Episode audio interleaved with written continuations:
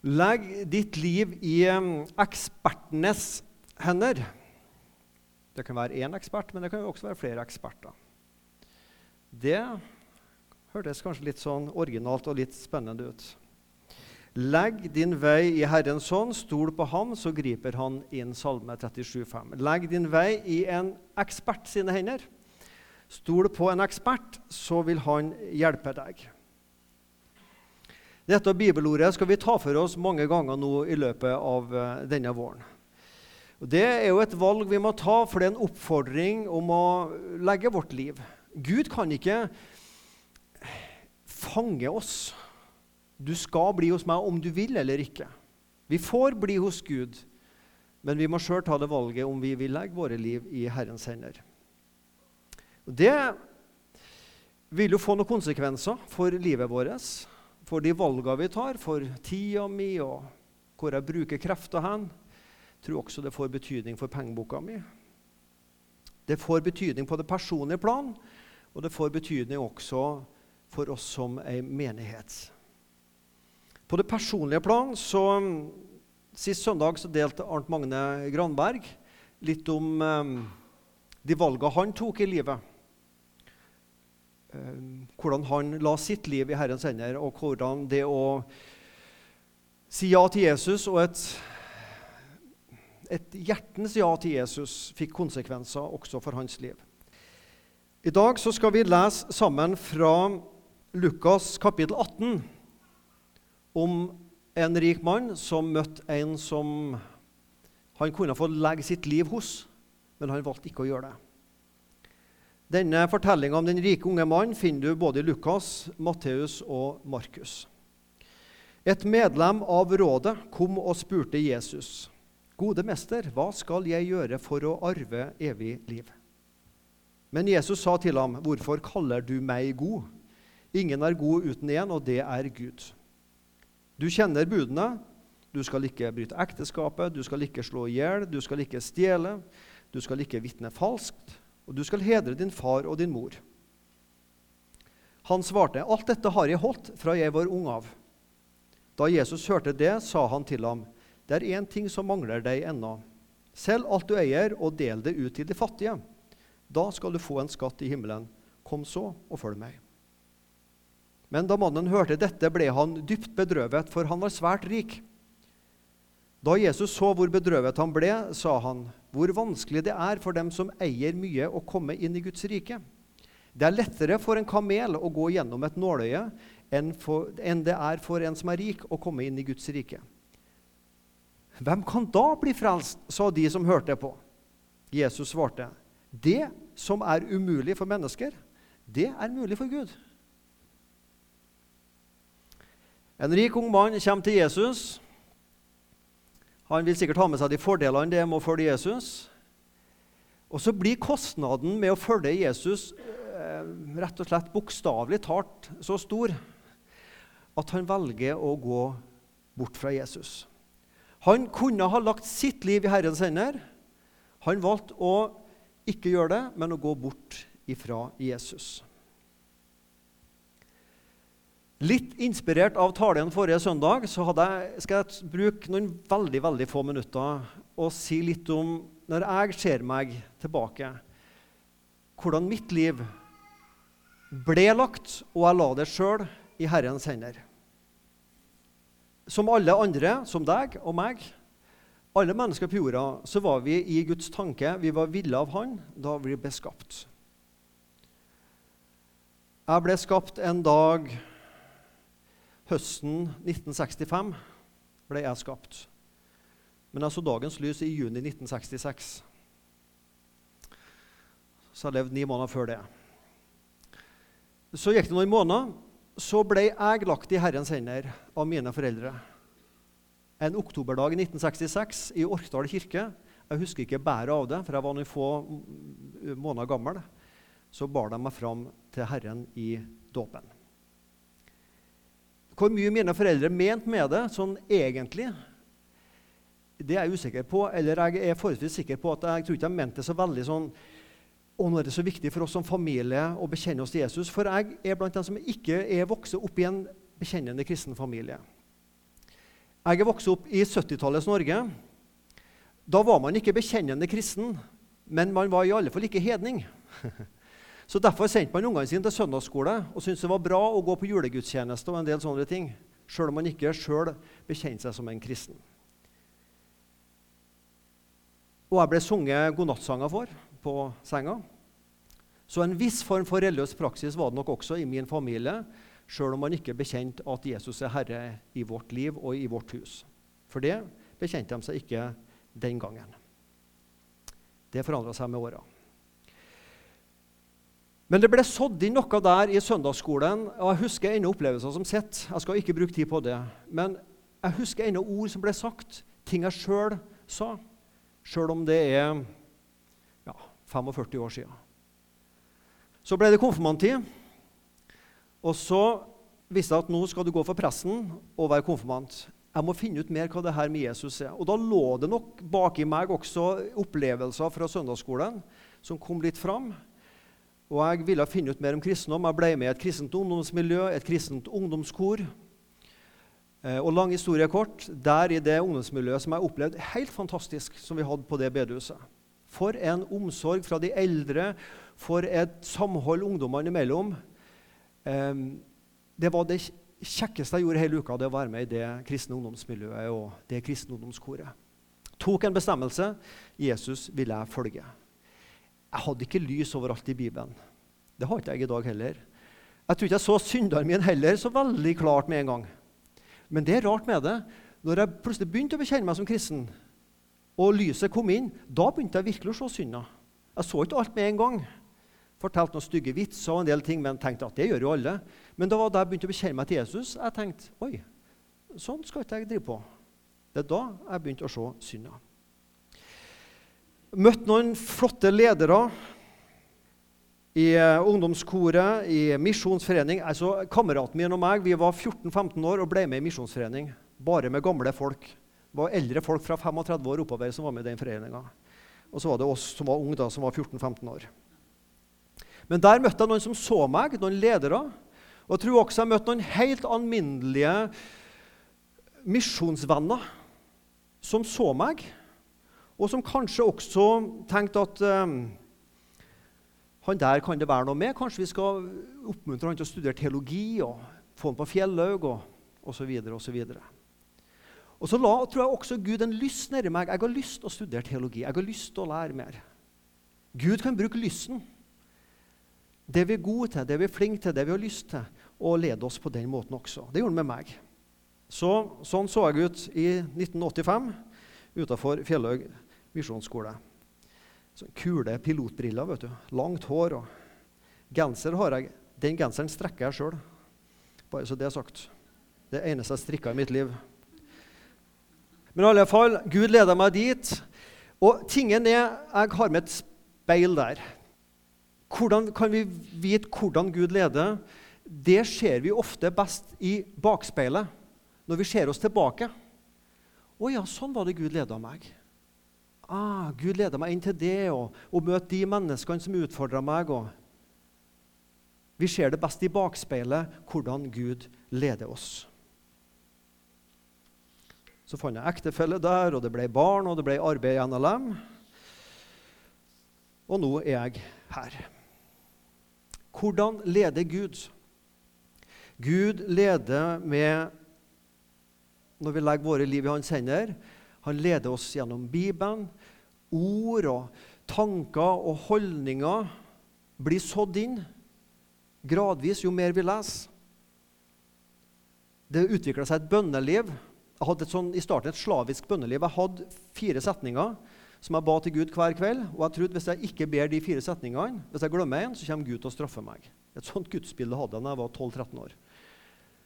Men, men, likevel å begynne å snakke med Gud Ikke det at jeg hørte Guds stemme så veldig tydelig tilbake, men det ble en samtale mellom Gud og meg. Også sånn leder han. Gud leda meg ved å være i et kristent fellesskap, et kristent ungdomsmiljø. Treffe noen ledere som utfordra meg, som kanskje mente de så noe i meg, som pusha meg fram. Gud leder på ulike måter. Bare vi er villige til å legge våre liv i hans sine hender. Du ser det best i bakspeilet. eksperthjelp. Gud leder ved å sende andre mennesker i vår vei. Mennesker som gjerne har mer erfaring enn meg sjøl. Noen jeg kan lære av. Eksperter. Av og til så blir dette ordet ekspert litt sånn negativt. Men jeg er glad for det finnes eksperter. Jeg er glad for at det, altså, Hvis det er noe som opereres i meg, så ringer ikke jeg til Adecco eller Manpower og spør har dere noen som er ledig på torget i dag. som dere kan sende over. Nei, du går jo til en kirurg, en ekspert på å operere. Har du vondt i øyet, så, så går du til en um, optiker, heter det. ja. Ikke vondt i øyet, men hvis du skal justere brillene, f.eks. Hvis det er noe skikkelig feil med bilen, så, så går du til et bilverksted og skifte bremseklosser. Sånn, det tror jeg til og med jeg skal klare. Men, men er det noe skikkelig vanskelig, så, så, må du ha en eksperthjelp for å ordne på bilen. Hvis det er konflikter, hvis det er rettssaker, ja, så går vi til advokater, jurister, som hjelper oss med sånne ting. ikke sant? Vi bruker eksperter. Og det å si at jeg trenger en ekspert, det er jo egentlig å si at jeg fikser ikke alt. Jeg er ikke den som kan alt. Jeg vet ikke alltid best. Jeg kan ikke alt. Jeg vet ikke alt. Det fins noen som sier at man trenger ikke eksperter. I'm the man. The self-made man. Fikser alt. Oppblåst sjølbilde.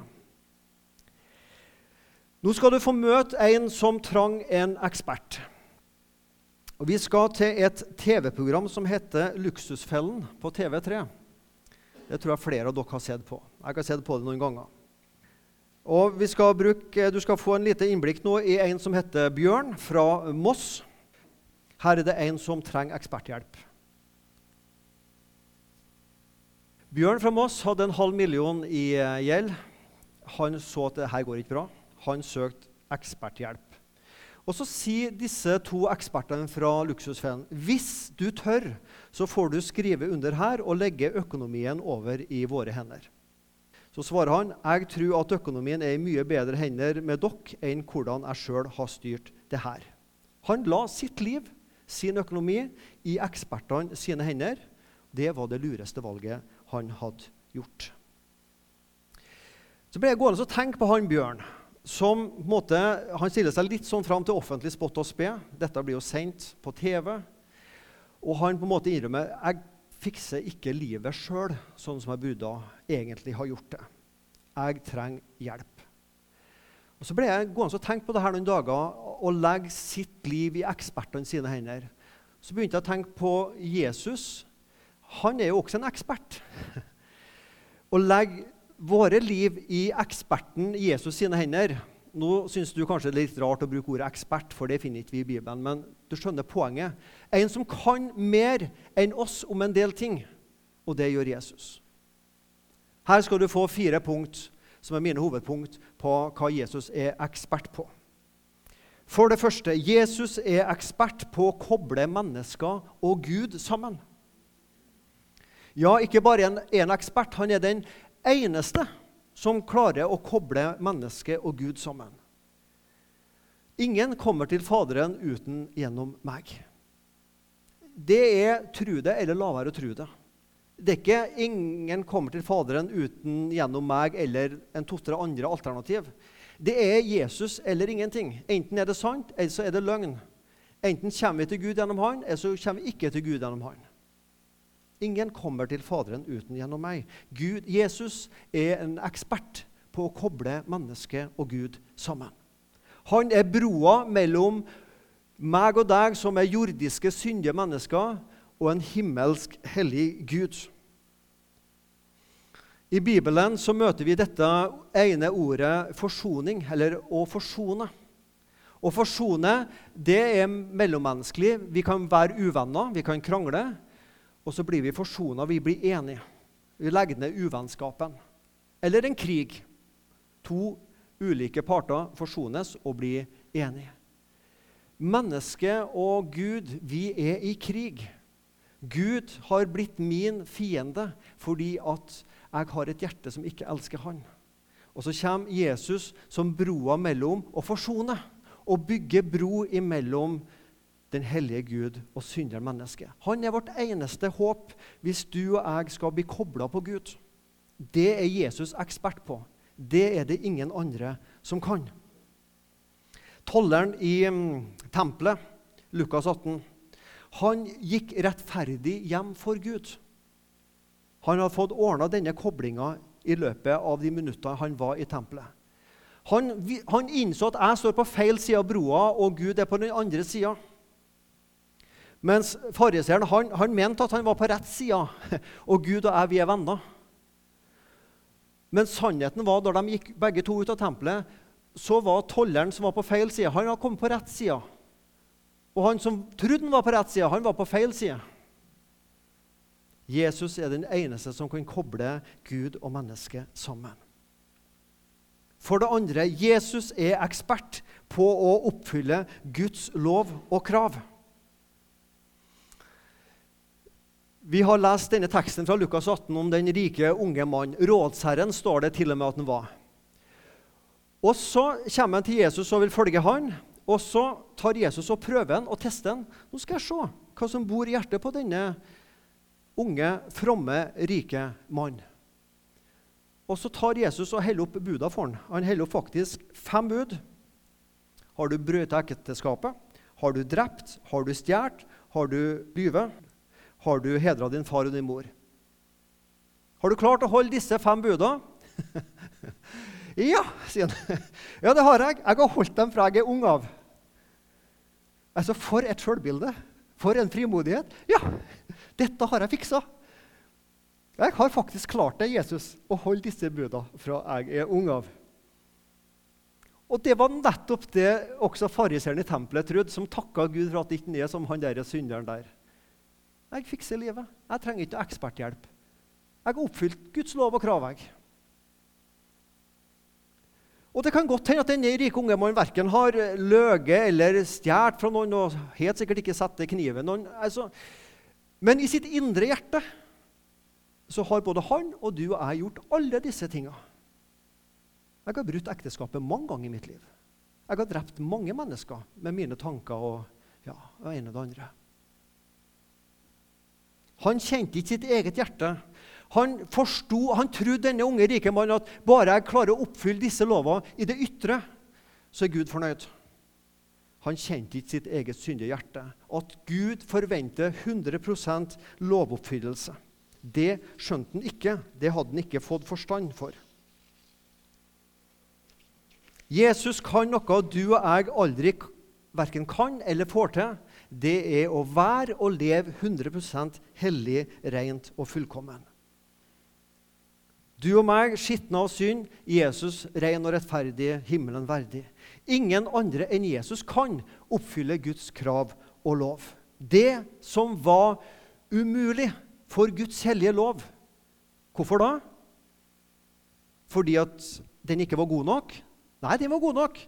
Men Guds hellige, rene lov kan ikke frelse deg og meg, for det ikke hold i oss, i vårt kjød, i vår syndige menneskenatur. For syndens skyld sendte han sin egen sønn i syndig menneskers lignelse og holdt dom over synden i vår natur. Slik, på denne måten, skulle lovens krav bli oppfylt i oss som ikke lar oss lede av vår onde natur, men av ånden. Romerne 8, 3-4.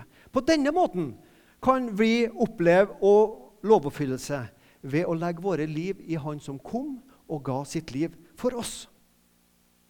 Fordi at det nytter ikke med loven, fordi det ikke er noe hold i oss for å løfte oss opp til Gud. Jesus er en ekspert på å oppfylle Guds lov og krav. For det tredje, Jesus er en ekspert på frelse og fri fra synd. Jesus holdt opp disse fem buda for denne unge rike mannen. Har du holdt disse budene? Har du klart det? Yes, jeg har klart det. Trodde han sjøl, da. Og så Jesus, tar Jesus på en måte det ett skritt videre. OK, du som tror du har klart å oppfylle Guds lov og krav, gå bort og selg alt du har, gi det til de fattige. Kom så og følg meg. Den ble for vanskelig for han. Så da snur han, og så går han bort. Og så blir Disiplene og de som står og hører rundt, de blir helt forferdet og sier, 'Hvem kan da bli frelst?' Altså, Jesus, mener du at jeg skal selge alt jeg har? Gi det bort? Ha med meg en ryggsekk med i fall ett eller to skift, og så gå ut og så se hva som skjer? Hvem, da, hvem klarer da å bli frelst, Jesus? Jesus svarte, 'Det som er umulig for mennesker, det er mulig for Gud.' Det er noe som er umulig for oss, men som er mulig for Gud. Det vil alltid stå en, alltid stå en U foran oss og frelsa, for det er umulig. Vi kan det ikke. Men det står Jesus er det ingen U foran. Det er mulig. Det er bare en liten U som skiller, men du verden for en forskjell. For Jesus er det mulig. For oss er det mulig å bli frelst pga. Jesus, fordi at han er 100 Han Bjørn vi møtte i eh, filmen, fra, han Bjørn fra Moss i Luksusfellen, han ville sannsynligvis aldri klart å komme seg ut av den fella han var i, gjeldsfella. Han måtte ha eksperthjelp. Vi står også i ei gjeld, ei syndegjeld. Vi kommer oss aldri ut av den.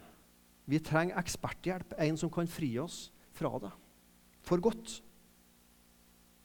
Jesus er ekspert på å nyskape hjerter. Av og til så har jeg hørt, og jeg tar meg sjøl i å si at Jesus kommer og forandrer hjertet mitt. Ja, jeg, jeg, Vi kan for så vidt si at det er bibelsk, men enda mer bibelsk å si at Jesus kommer og skaper et nytt hjerte. Han forandrer ikke og endrer ikke på mitt gamle meg og mitt gamle hjerte og gjør det litt mer kristelig. Fra 20% til 60% Nei, han kommer og skaper noe nytt. Et helt nytt hjerte. En helt nytt liv. Ikke bare en justering på det gamle livet, men vi har fått et nytt liv. Og så lever jeg med to hjerter. Med det gamle, syndige hjertet og med et nytt hjerte overfor Gud. Det er mulig å leve med to hjerter. Ja, det gjør vi alle kristne. I meg sjøl synd. Jeg kan gjøre det litt religiøst, mitt hjerte. Men å få det kristelig, kristent, så må Gud skape et nytt hjerte. Jeg må bli fri og frelst. Jesus er en ekspert på å frelse oss og fri oss fra synd. Og For det fjerde Jesus er ekspert på å bevare oss hos Gud. Jesus hindrer ingen å gå bort ifra seg. Og Det står det om denne rike unge mannen vi møtte i Lukas 18 her. Når vi leser det i Matteus og Markus, så skriver de at han gikk bedrøvet bort, for han var svært rik. For han hadde egentlig lyst å følge Jesus, så han gikk ikke jippi bort. Han var, han var, ikke glad når han gikk bort, for han hadde egentlig lyst til å følge Jesus. Men det, det var for krevende, så han gikk bedrøva bort.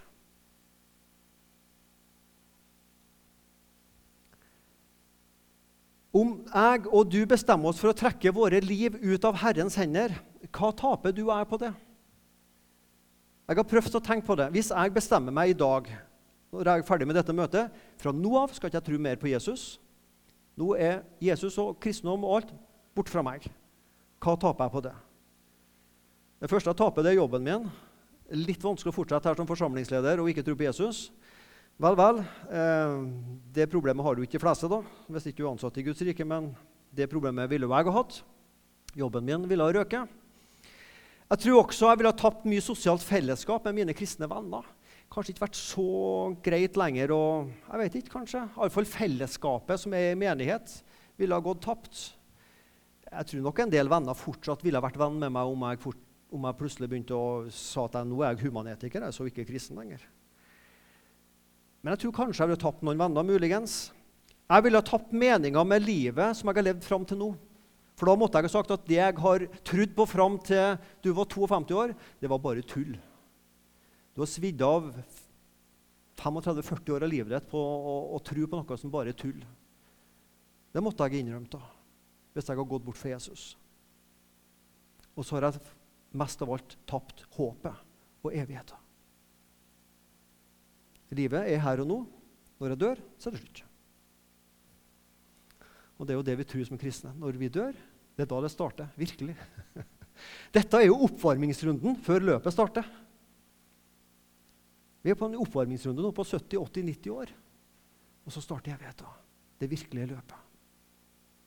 Prøv å tenke etter. Hva ville du ha tapt hvis du slutta å tro på Jesus? Altså, nå går ikke jeg rundt og oppfordrer folk liksom å bruke veldig mye tid på det, men det kan likevel være greit å tenke over. Hva er det du og jeg har å eie som de som ikke tror på Jesus, ikke har å eie? For det vil gjøre oss mer klar over hva eier jeg i Jesus Kristus. Noen sier ja, bli kristen, så får du mål og mening med livet. Ja, men jeg kjenner mange ikke-kristne som har også mål og mening med livet. Kom til Jesus og bli lykkelig. Jeg og du vet om mange ikke-kristne som er lykkelige mennesker. Men du, du, har et håp. Du har et tilgitt fortid. Og du har et liv nå med virkelig mål og mening, og du har ei lysende framtid foran deg i Jesus Kristus. Hvorfor i all verden ville denne unge rike mannen gå bort ifra det? Jesus lot den gå. Men Jesus er en ekspert i å bevare oss hos Gud. Johannes 10, 28, 'Jeg gir dem evig liv. De skal aldri i evighet gå fortapt, og ingen skal rive dem ut av min hånd.' Ingen skal rive deg ut av Guds hånd. Men du kan sjøl gå vekk. Forfølgelse, fristelser, ja, motstand mange ting kan prøve å lokke oss, men ingenting har makt til å rive oss ut av Guds hånd. Men du og jeg kan gå sjøl. Men Jesus har lovt å holde oss. Og Så er det et bilde som jeg tenker på. Det er Du har ei hånd som er åpen, og så lander det en fugl og setter seg der. Og Hvis du holder hånda stilt rolig sånn åpent, så kan fuglen bli sittende. Men du kan prøve å fange den og holde den der. Gripe den fast, liksom. Tvinge den til å være der. Da vil den gjøre motstand og begynne å pikke på deg, og, det blir ikke så behagelig for noen. Men, men, Gud har en åpen hånd, og så lar han oss lande hos seg. Og så erfarer vi her er det så trygt og godt å være. Her vil jeg bli. Her vil jeg være så lenge jeg lever, fram til min døyende dag. Av egen fri vilje vil jeg bli hos Gud. Han lar meg få sitte på si hånd og være der. Gud trenger ikke å gripe meg fast og liksom tviholde meg der. Sånn er ikke Gud. Gud lar meg fly, springe vekk, gå hvis jeg vil. Men jeg vil jo bli hos Gud. Gud er en ekspert i å bevare. For, jeg, for han lar oss få erfare og kjenne her er det best og tryggest å være. Hvem andre skal vi gå til? Jesus sa til disiplene vil også dere gå bort. For Jesus opplevde at en del mennesker gikk bort fra han, for det ble litt for tøft. Johannes 6. Så sier han til disiplene, 'Vil også dere gå bort?' Nei, eh, hvem skal vi da gå til? Jeg vil bli hos Jesus, jeg. Hvem skal da gå til? Humanetikere. Flotte mennesker. Kjenner flere humanetikere. jeg. De har et flott liv og et godt liv. Men de har ikke håp etter døden. Jeg sier ikke at jeg er et bedre menneske enn dem. Nei, nei. Men jeg har et helt annet håp. De har ikke håp. Jeg vil bli hos Jesus, for jeg har erfart hans kjærlighet. Hvorfor skulle jeg være så dum og gå bort fra Jesus? Jesus er en ekspert på å bevare oss hos seg. Peter, salige Peter før siste påska så sier Jesus, 'Jeg ba for deg Jeg ba for deg at din tro ikke måtte svikte.' Og Så går det noen minutter, så går det noen timer, og så svikter troa til Peter. Jesus ba for ham. Jesus er en ekspert å bevare hos seg. Og Jesus ba for Peter og de andre. Men Jesus visste jo hva som kom til å skje med Peter. Så går det noen timer, og så svikter Peter. Men så får han komme på ny. Sanger av Trygve Bjerkerheim det er sånn som er litt sånn barnelærdom som ligger inni noen av oss. Du får komme til Jesus når gale det gikk. Det er nåde. Du får komme til Jesus når gale det gikk. Du får komme for tusende gang.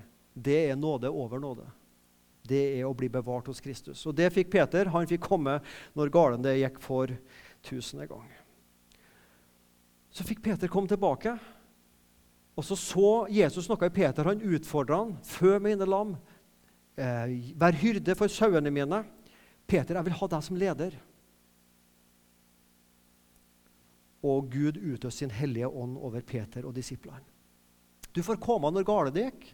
Du får komme når gale det gikk for tusende gang. Og likevel så vil Gud gi oss av sin hellige ånd og ha oss i sin menighet. Jesus er en ekspert på å bevare oss hos Gud. Det kan sikkert sies mange mer ting om Jesus enn de fire tingene som er nevnt her. hva Jesus er ekspert på. Men jeg vet han er en ekspert på å koble mennesker og Gud sammen. Han er en ekspert på å oppfylle Guds lov og krav. Jesus er en ekspert på å frelse og fri oss fra synd. Jesus er en ekspert på å bevare, bevare oss hos Gud. Dette er det bare Jesus som kan. Det er bare Jesus som kan koble Gud og mennesker sammen. Det er bare Jesus som kan oppfylle Guds lov og krav. Det er bare Jesus som kan frelse. Og det er bare Jesus som egentlig i dypest forstand kan bevare oss hos seg. Bjørn i um, Luksusfellen han møtte noen eksperter som sa hvis du tør, så får du skrive under her og legge økonomien over i våre hender. Så svarer Bjørn jeg tror at økonomien er i mye bedre hender med dere enn hvordan jeg har styrt det her. Tør du å legge ditt liv i Jesu hender? Det er et forholdsvis enkelt spørsmål å svare på når vi bekjenner oss til Han. Jeg skal snu spørsmålet. Tør du å la være å legge ditt liv i Jesus sine hender? Jeg tør ikke. Jeg tør ikke. Jeg vil ikke la være å legge mitt liv fortsatt i Jesus sine hender. Den unge mannen vi møtte i bibelteksten, han tenkte jeg fikser dette sjøl. Jeg vil ikke slippe andre til og la andre bestemme over evnene mine, tida mi, økonomien, lommeboka mi. Det var det dårligste og dummeste valget den mannen tok i livet. Han gikk inn i historiebøkene som den som gikk ut av Guds hender. Han skrev seg inn i historiebøkene som den som skrev seg ut av Guds rike og gikk bort fra Jesus. Bjørn i luksusfella han takka ja til ekspertene sin økonomiske nødhjelp. Han fikk orden på økonomien, og nå styrer han sikkert økonomien godt sjøl, for alt jeg vet. Vi som kristne, Gud hjalp deg og meg til å få et riktig syn på hvem jeg sjøl er, hvem Gud er. Gud hjalp meg i ungdomsåra og har hjulpet meg framover å se et større bilde enn at livet bare dreier seg om meg og mitt og mine. Gud har også hjulpet meg til å få orden på livet. og Det er litt sånn rart uttrykk for jeg, jeg er ikke den som liksom har gjort de største sprella i livet. og ja, ikke sant? Nei, jeg ikke dem, men det var som en sjelesørger jeg gikk til for en del år siden. sa, Sven Anton han hørte litt på livet mitt, så sier han du Sven Anton, jeg tror du har et litt sånn snill, gutt-kompleks. gutt-kompleks. Du føler at du må liksom be om tilgivelse for den minste filleting i livet. Kanskje var jeg litt der. Men likevel, Gud kom inn i livet mitt og har styrt livet mitt. Men så er det en avgjørende forskjell på Bjørn i luksusfellen og oss som kristne.